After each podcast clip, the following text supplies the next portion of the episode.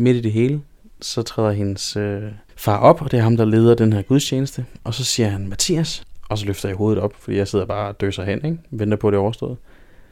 Du er den eneste her, som jeg ved ikke har taget imod Jesus Kristus som din personlige frelser. Kunne du tænke dig at gøre det i dag? Du lytter til spejlet. Tusind portrætter. En generation. Jeg hedder Maja Christine Grønbæk. I dette afsnit af spejlet skal vi høre en historie, som jeg stadig har lidt svært ved at forstå. Den handler om Mathias. Mathias, som omtaler Gud som sin far hver dag, når han øh, beder til ham. Men det har Mathias ikke altid gjort. For få år tilbage, der var Mathias nemlig ateist, prædikende ateist. For ham, der øh, var det, der gav mening, det, der kunne forklares ud fra naturvidenskaben og logikken. Og det var det at være kristen bestemt ikke. Tværtimod, og derfor var han også offensiv over for andre religiøse, for at fortælle dem, at det gav ikke nogen mening. Mathias havde også et øh, bankende stofmisbrug, men øh, mødet med Gud blev Mathias' udvej ud af det her misbrug, og dermed også vejen ind til en helt ny verden, som kun kan forklares ud fra Bibelen. Og som Mathias selv siger, ikke nødvendigvis giver mening. Hvordan den her kæmpe overgang fandt sted, og hvordan Mathias blev overbevist om, at Gud han findes. Det er det, vi skal snakke om i spejlet i dag. Jeg hedder Mathias, og Gud har hjulpet mig af med mit stofmisbrug.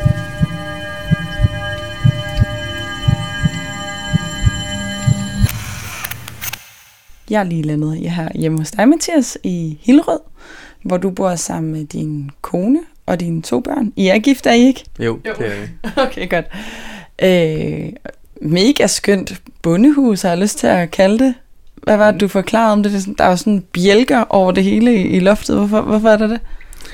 Jamen, det er et gammelt øh, studeri. Det er et sted, man har, kan man sige, lavet heste? Nej, det kan man nok ikke sige. Men det, man har op, opdrettet heste, dresseret heste og sådan noget.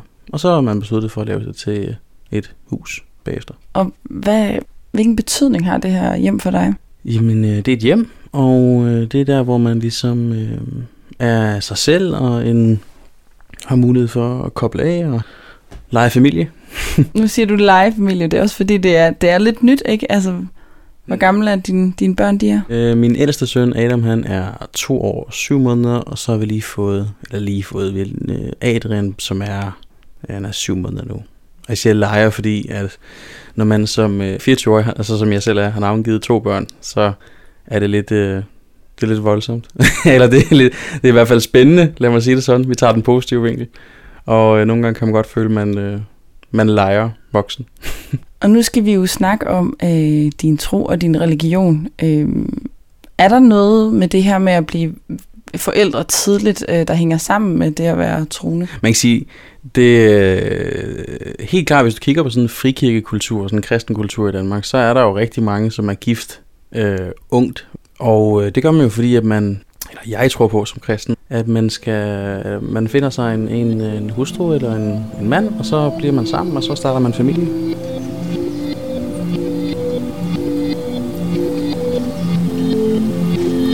Jeg hedder Mathias, og jeg ser mig selv i spejlet.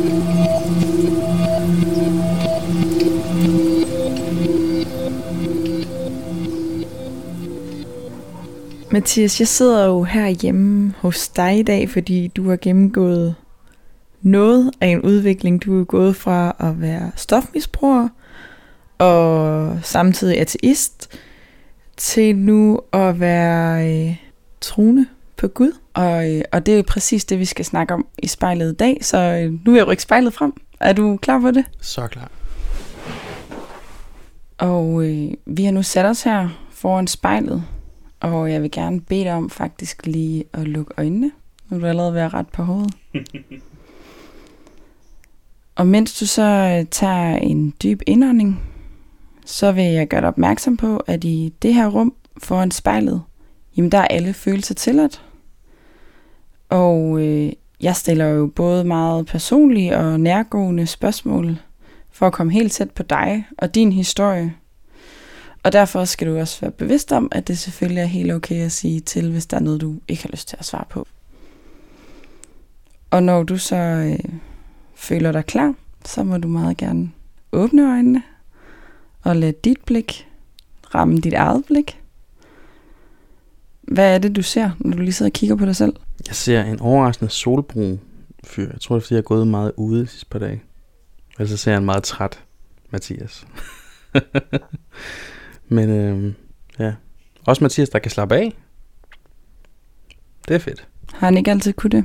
Nej, det har været, det har været en af de ting, der har været svære for mig. Øh, jeg, I lang tid så er jeg nødt til ligesom at, at få ting til at hjælpe mig med at slappe af. Det, det var også en af, de, en af de ting, der gjorde, at jeg ligesom udviklede et øh, sådan ret massivt øh, stofmisbrug. Øh, fordi det der med at koble, koble af og ligesom finde fred og finde ro og ligesom kunne, kunne være i, i, mine egne, i mine egne tanker og i min egen virkelighed, det, øh, ja, det har ikke altid været sådan helt nemt. For ikke at sige umuligt i nogle, øh, i nogle perioder. Hvad var det for nogle tanker, som fyldte i de her perioder, som du har brug for at forsvinde fra? Jamen det har egentlig ikke, det har ikke været sådan noget gennemgående gennem mit liv, at der var sådan en, nogle bestemte øh, tanker. Det har mere været sådan den her, mm, den her sådan lidt en, en, en uro, eller i hvert fald en, det var sådan, der var, der var sjældent noget, der var sådan var nok for mig i min, i min hverdag. Det skulle helst være ekstraordinært. Øh, og så blev det jo, når man ikke lige kunne se det i sin, øh, i hvert fald i mit eget liv, så kunne jeg i hvert fald lave det i mine ambitioner. Også grunden til, at jeg ligesom er, har brugt så meget af min ungdom på alle mulige ting. Øh, ungdomspolitik og øh, ligesom har engageret mig meget i sådan nogle, sådan nogle i de emner, jeg, jeg lige fandt interessante.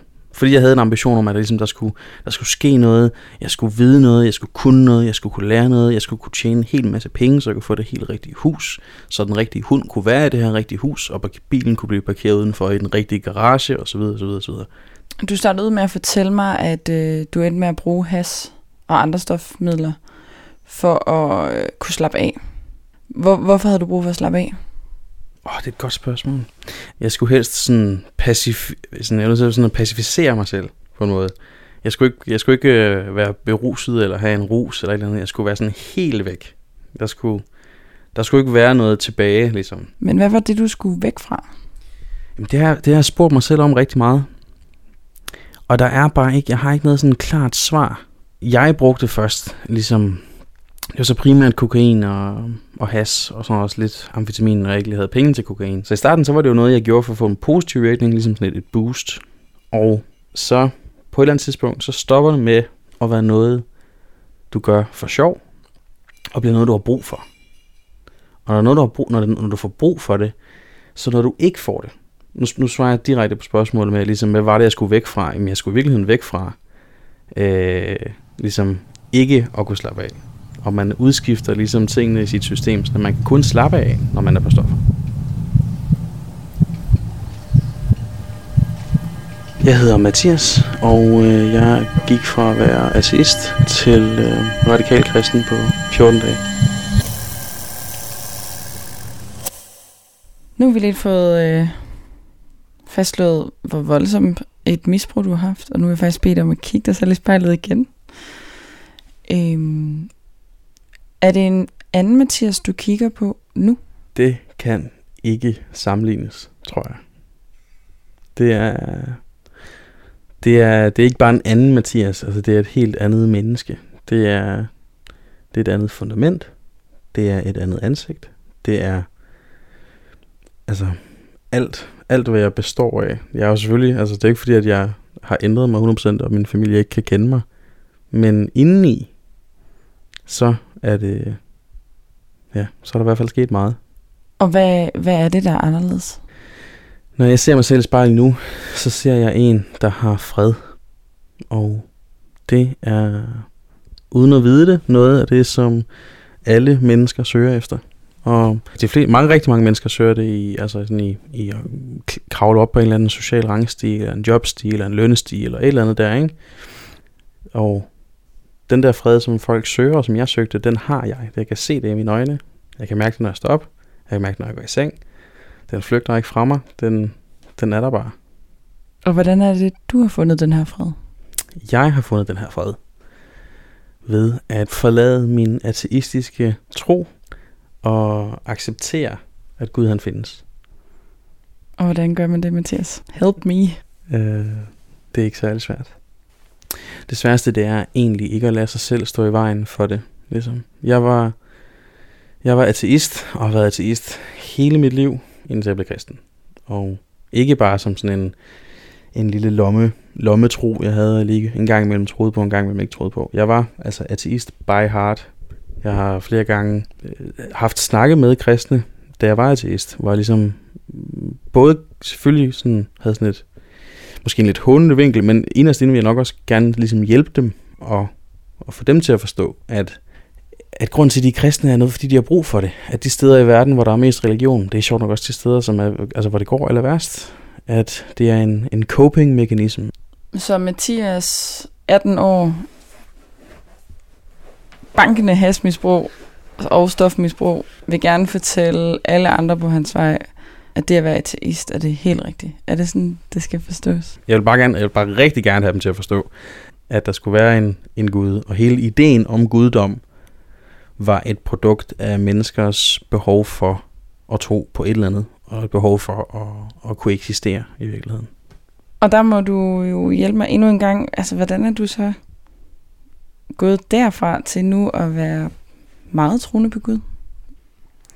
Det, der skete, det var, at jeg øh, boede sammen med min kæreste Amanda, og øh, Amanda, hun er opvokset i den, den kristne tro. Hun har nogle forældre, som er sådan er rigtig kristne. Ligesom. Det er ikke ligesom, jeg er vokset op med, hvor man så går i kirke en juleaften, og øh, dem havde jeg selv sagt ret svært med at være sammen med, fordi ja, jeg var ateist, og jeg, vi kunne jo ikke snakke om, jeg, jeg vil ikke evne i hvert fald at snakke om deres tro, og de havde ikke lyst til at snakke om øh, politik, eller penge, eller narko. Så det er ligesom, der var ikke ret mange fællesnævner at bringe på banen. Og på det her tidspunkt har du også et misbrug? Og skal skjule det for dem? På det her tidspunkt har jeg et kæmpe misbrug. Altså det her, det her hvor, det, hvor det er stukket fuldstændig af. Og øh, har ingen, altså stoltheden, den, den blomstrede også bare i mig, så jeg havde ingen interesse i, at de skulle vide noget som helst omkring mit misbrug. Jeg skulle bare være øh, den succesrige Mathias, der havde styr på sit liv, ikke? Og jeg afbryder lige igen. Og hvordan fungerede det med Amanda? Det er et spørgsmål, jeg har spurgt hende om mange gange. Hvad i alverden tænker du på? Og hun, det eneste, hun svarer, det er, at hun elskede mig. Øhm, men efter vi havde været sammen i, i et stykke tid, øh, så er det næste logiske skridt der, det var ligesom at også at få noget relation til ens forældre. Eller i hvert fald at kunne huske deres navn. Eller sådan et eller andet, ikke? Øh, og vi vil gerne hjem til dem og spise vafler. De kommer fra Norge, der spiser man rigtig mange vafler. Vi havde ikke nogen bil, øh, så derfor så kunne vi køre med dem om lørdagen. Der var bare den lille hage, og så kunne vi bare lige være med til gudstjeneste i deres huskirke.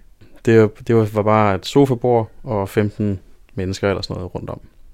Der sker det, at jeg har været i byen derinde inden, og midt i det hele, så træder hendes øh, far op, og det er ham, der leder den her gudstjeneste. Og så siger han, Mathias, og så løfter jeg hovedet op, fordi jeg sidder bare og døser hen, ikke? venter på, at det er overstået. Øhm, du er den eneste her, som jeg ved ikke har taget imod Jesus Kristus, som din personlige frelser. Kunne du tænke dig at gøre det i dag?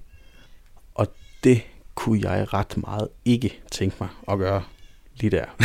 Eller nogensinde, for den sags skyld. Fordi jeg var ateist.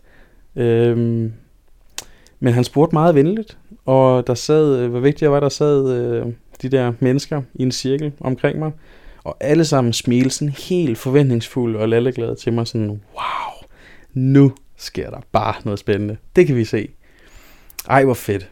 Kunne jeg bare se de ting der alle sammen. Så tænker jeg, ej, det er ikke nu, jeg skal sige nej til det. Altså, så bliver der dårlig stemning. Så jeg siger, ja, det vil jeg gerne. Og Amanda, hun kigger fuldstændig farvet på mig, og sådan, hvad? Jeg sagde bare, ja, det vil jeg gerne. Så får jeg det overstået. Så sidder der en ved siden af mig, og øh, hun spørger, om hun vil, om hun skal hjælpe mig med at bede. Så hun beder bare en bøn, jeg bare skal gentage. Og det var jo nemt. Øh, det, det sværeste var faktisk at have øjnene lukket sammen med 12 mennesker. Så det havde jeg alt mit fokus på, mens jeg bare prøvede at formulere de ord rigtigt, som hun sagde. Ikke? Øhm, og så det, der sker, det er, at jeg kommer i problemer i det sekund, jeg siger amen. Fordi der bliver jeg sådan helt flammende varm over hele kroppen. Hvis man har prøvet at få en scanning nogensinde inden på hospitalet, så får man nogle gange sådan noget, der hedder kontrastvæske, som gør, at dine celler ligesom, jeg tror, de udvider sig eller et eller andet. Så man, man, man bliver sådan helt, man føler, man tisser i bukserne, fordi alt er bare varmt lige pludselig. Og jeg åbner øjnene, og der er bare lyst, som om jeg har haft øjnene lukket i timevis. Og øh, jeg kigger ind i ansigtet på en, der hedder Peter, og Peter han siger, wow. Og jeg tænker, pis, det kan være, han kan se dig i mig. Ligesom, kan vide, øh, det må bare ikke ske, det her. Fordi i det, i det sekund, der vidste jeg, at Gud han fandtes. Det var jo helt logisk, altså reduktion til, hvad der lige var sket. Som ateist, så troede jeg på det, jeg kunne se, måle og føle. Eller i hvert fald noget, andre havde set, målt og følt. sådan i, i videnskaben, ikke? Og jeg kunne ikke, jeg kunne ikke benægte andet, end jeg lige havde, havde i hvert fald følt Gud. Øhm, så jeg prøver virkelig med et straight face bare at lade som ingenting. Og jeg siger ikke et ord til nogen, fordi det er jo også meget flot og meget ømt for mig på det her tidspunkt. Ikke? Altså, Gud han findes jo ikke, skal du tænke på. Det, det næste jeg gør, det er, at jeg siger til Amanda nogle dage efter, tror jeg, at uh, Amanda, jeg er nødt til at fortælle dig noget. Da jeg bad den der bøn, så øh, gik der ild i mig øh, indeni. Og jeg ved, Gud findes. Og øh, så var der en øredøv, altså sådan en helt larmende tavshed fra hendes side af, hvor hun bare kiggede med sådan nogle helt tomme øjne på mig, fordi det gav så lidt mening for hende. Det, gav, det var så fjernt for den Mathias, hun kendte, for den øh, ateist-misbrugende kæreste, som hun havde valgt. Det er jo helt vildt at have sådan en oplevelse her i livet. Hvad er det for nogle tanker, der går igennem dit hoved i det, din svigerfar spørger dig? Hele prædiken har jo været til mig, fandt jeg ud af bagefter. Ligesom, eller til mig. Det er sådan meget normalt, at hvis du ligesom har nogen, som du har tænkt dig at spørge om til mod Jesus, at du ligesom laver sådan en, en, en opsummering af, ligesom, hvad er, det, hvad er det, Jesus har gjort for dig. Så hvad er det for nogle tanker, der går igennem dig, lige da han spørger? Nej tak. Det er det, det er bare, jeg tænker. Jeg tænker, nej. Nej. Hvorfor nej? Bare fordi nej, jeg skal ikke. Det var jo fuldstændig indløsende, at jeg ikke skulle tage, at jeg, at, hvad? At jeg skulle tage imod Jesus Kristus. Det er aldrig i livet, tænkte jeg, i meget, meget kort tid. Og så kiggede jeg rundt på de andre, som tænkte, ja, det bliver fedt det her. Og så, så tænkte jeg så, ej, jeg nød, sådan siger jeg bare ja. Altså, du skal tænke på, det her, det betød jo ingenting for mig. Altså, det er ingenting så derfor var det også lige meget, hvis jeg bare sagde ja, for at altså, redde stemningen, eller for at kunne få et godt forhold til mine svigerforældre, eller hvad det nu var. Men nu fortæller du, at øh, din svigerfar havde planlagt det her, og det var lidt, da alle de andre kiggede på dig, at du følte dig lidt tvunget til at sige ja, hører jeg dig i hvert fald sige. Var det ikke lidt som et baghåndsangreb? Altså, det hører jeg det også lidt som. Jeg, jeg har aldrig følt mig tvunget til det. Jeg, jeg tænkte, øh, jeg er stor nok til at give dem det her. Ligesom. Altså, det var også tydeligt at se, at alle omkring mig var også overrasket. Det var ikke et, øh, et koordineret, øh, nu skal vi få Mathias til at tage imod Jesus. Hvad sker der så efter, du har oplevet Gud? Jeg er jo så her lige gået fra at tro på et sæt øh, rammer for, hvad realitet er, hvad verden er, hvad livet er, alting. Og så til nu i hvert fald at have fået sprængt de der rammer fuldstændig. Og hvor jeg ved, at Gud findes. Og jeg prøver, kan jeg huske, logisk argumentere for, hvad der lige skete. Ligesom, ikke? Altså prøver ligesom at putte noget, putte noget, noget fysik eller noget et eller andet ind i det her, fordi altså, ja, okay, man får det lige pludselig mega varmt, det har vi alle sammen prøvet. Altså, det kan jo der 100 år til. Problemet var bare, at jeg har aldrig oplevet noget lignende. Så efter den her uge, så begynder jeg ligesom at erkende, at øhm, det her, det er jo nok nødt til at gøre et eller andet ved. Hvis Gud findes, hvis, hvis, prøv, hvis Gud findes, så er alt jo vendt op og ned. Så er der jo intet, der var som før.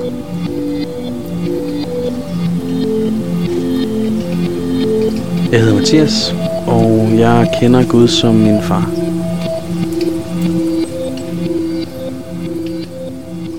Hvad sker der herefter? Der sker det, at på det tidspunkt i mit liv, så har jeg altså prøvet at stoppe mit stofmisbrug. Også prøvet at stoppe det så ret så seriøst, som jeg overhovedet kunne. Øhm, I et halvt år i hvert fald. Der havde jeg sådan virkelig prøvet. Og jeg lykkedes to gange med at stoppe i 14 dage. Er det her før eller efter din oplevelse med Gud? Det er det før min oplevelse med Gud.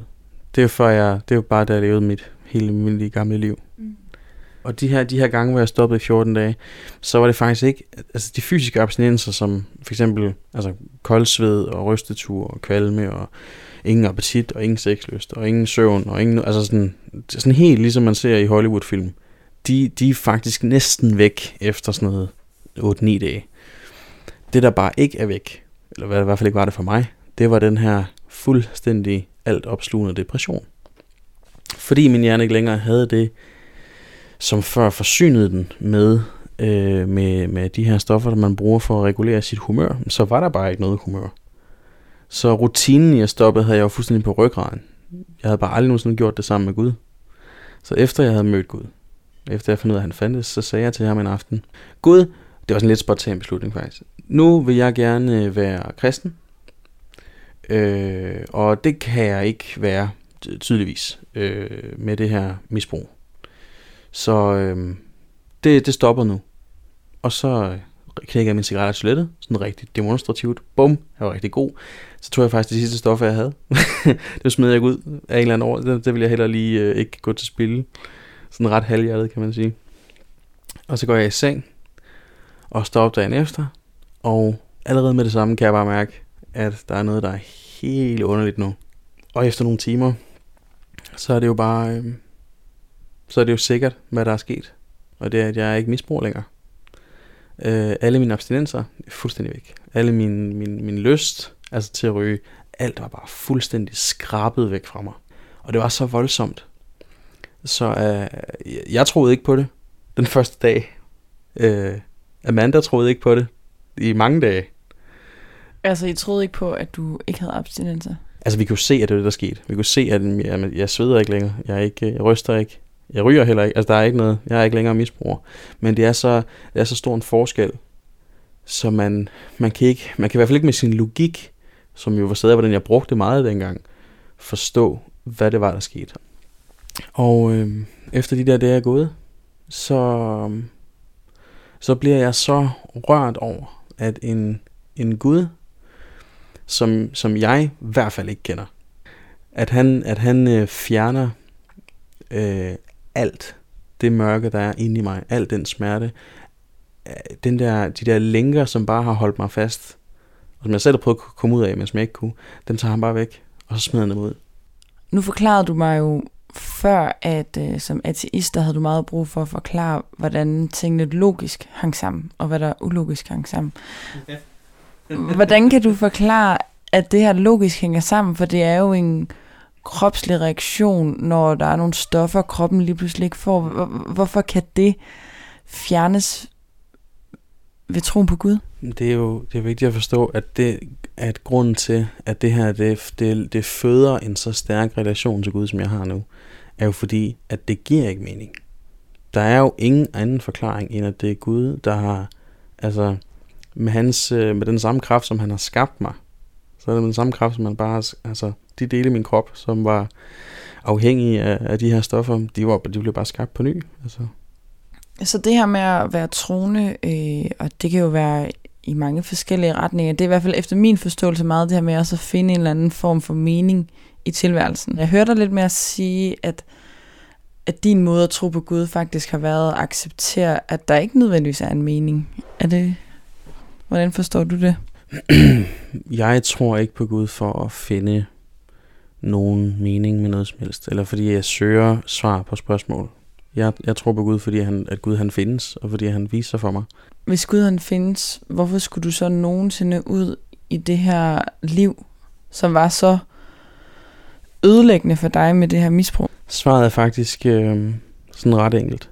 Gud han har... Når jeg snakker om Gud, så snakker jeg bare ud fra, hvad Bibelen siger. Ikke? Og Bibelen siger, at vi bliver skabt af ham, altså som en bevidst handling, ikke som sådan en copy-paste, men at vi bliver skabt, at vi alle sammen er blevet skabt præcis, fordi Gud han gerne vil være sammen med os, hver især. Hvis jeg ikke havde en mulighed for at vælge noget andet, så ville jeg, så ville jeg jo ikke være hans barn, så ville jeg være en robot, han havde lavet. Så ville jeg være en nikkedukke, som han bare havde sat til at nikke over i hjørnet. Ligesom. Så alle mennesker er skabt med et frit valg. Nu forklarede du før, at Gud har kendt dig længe, og, og du nu kender ham. Hvem er han for dig? Han er min far. Øhm, han er... Ja, når jeg beder, så siger jeg, kære far. Jeg kan også godt finde på at sige, kære Gud. Jeg kan også godt finde på at sige, kære Jesus, ligesom, ikke? Men jeg, allermest så siger jeg, kære far. Og nu bruger jeg din egen medicin imod dig. Hvorfor er det her ikke en coping-mekanisme til at komme af med det her stofmisbrug? Ved du, hvis det var det, så var det den mest effektive coping-mekanisme, der findes. Og øh, jeg øh, tror ikke på Gud. Jeg, jeg ved, Gud findes. Fordi at det er så meget øh, virkeligt for mig, som at vi to vil sidde og snakke sammen. Hvis du eller en du kender skal være med i spejlet, så skriv til os på Instagram.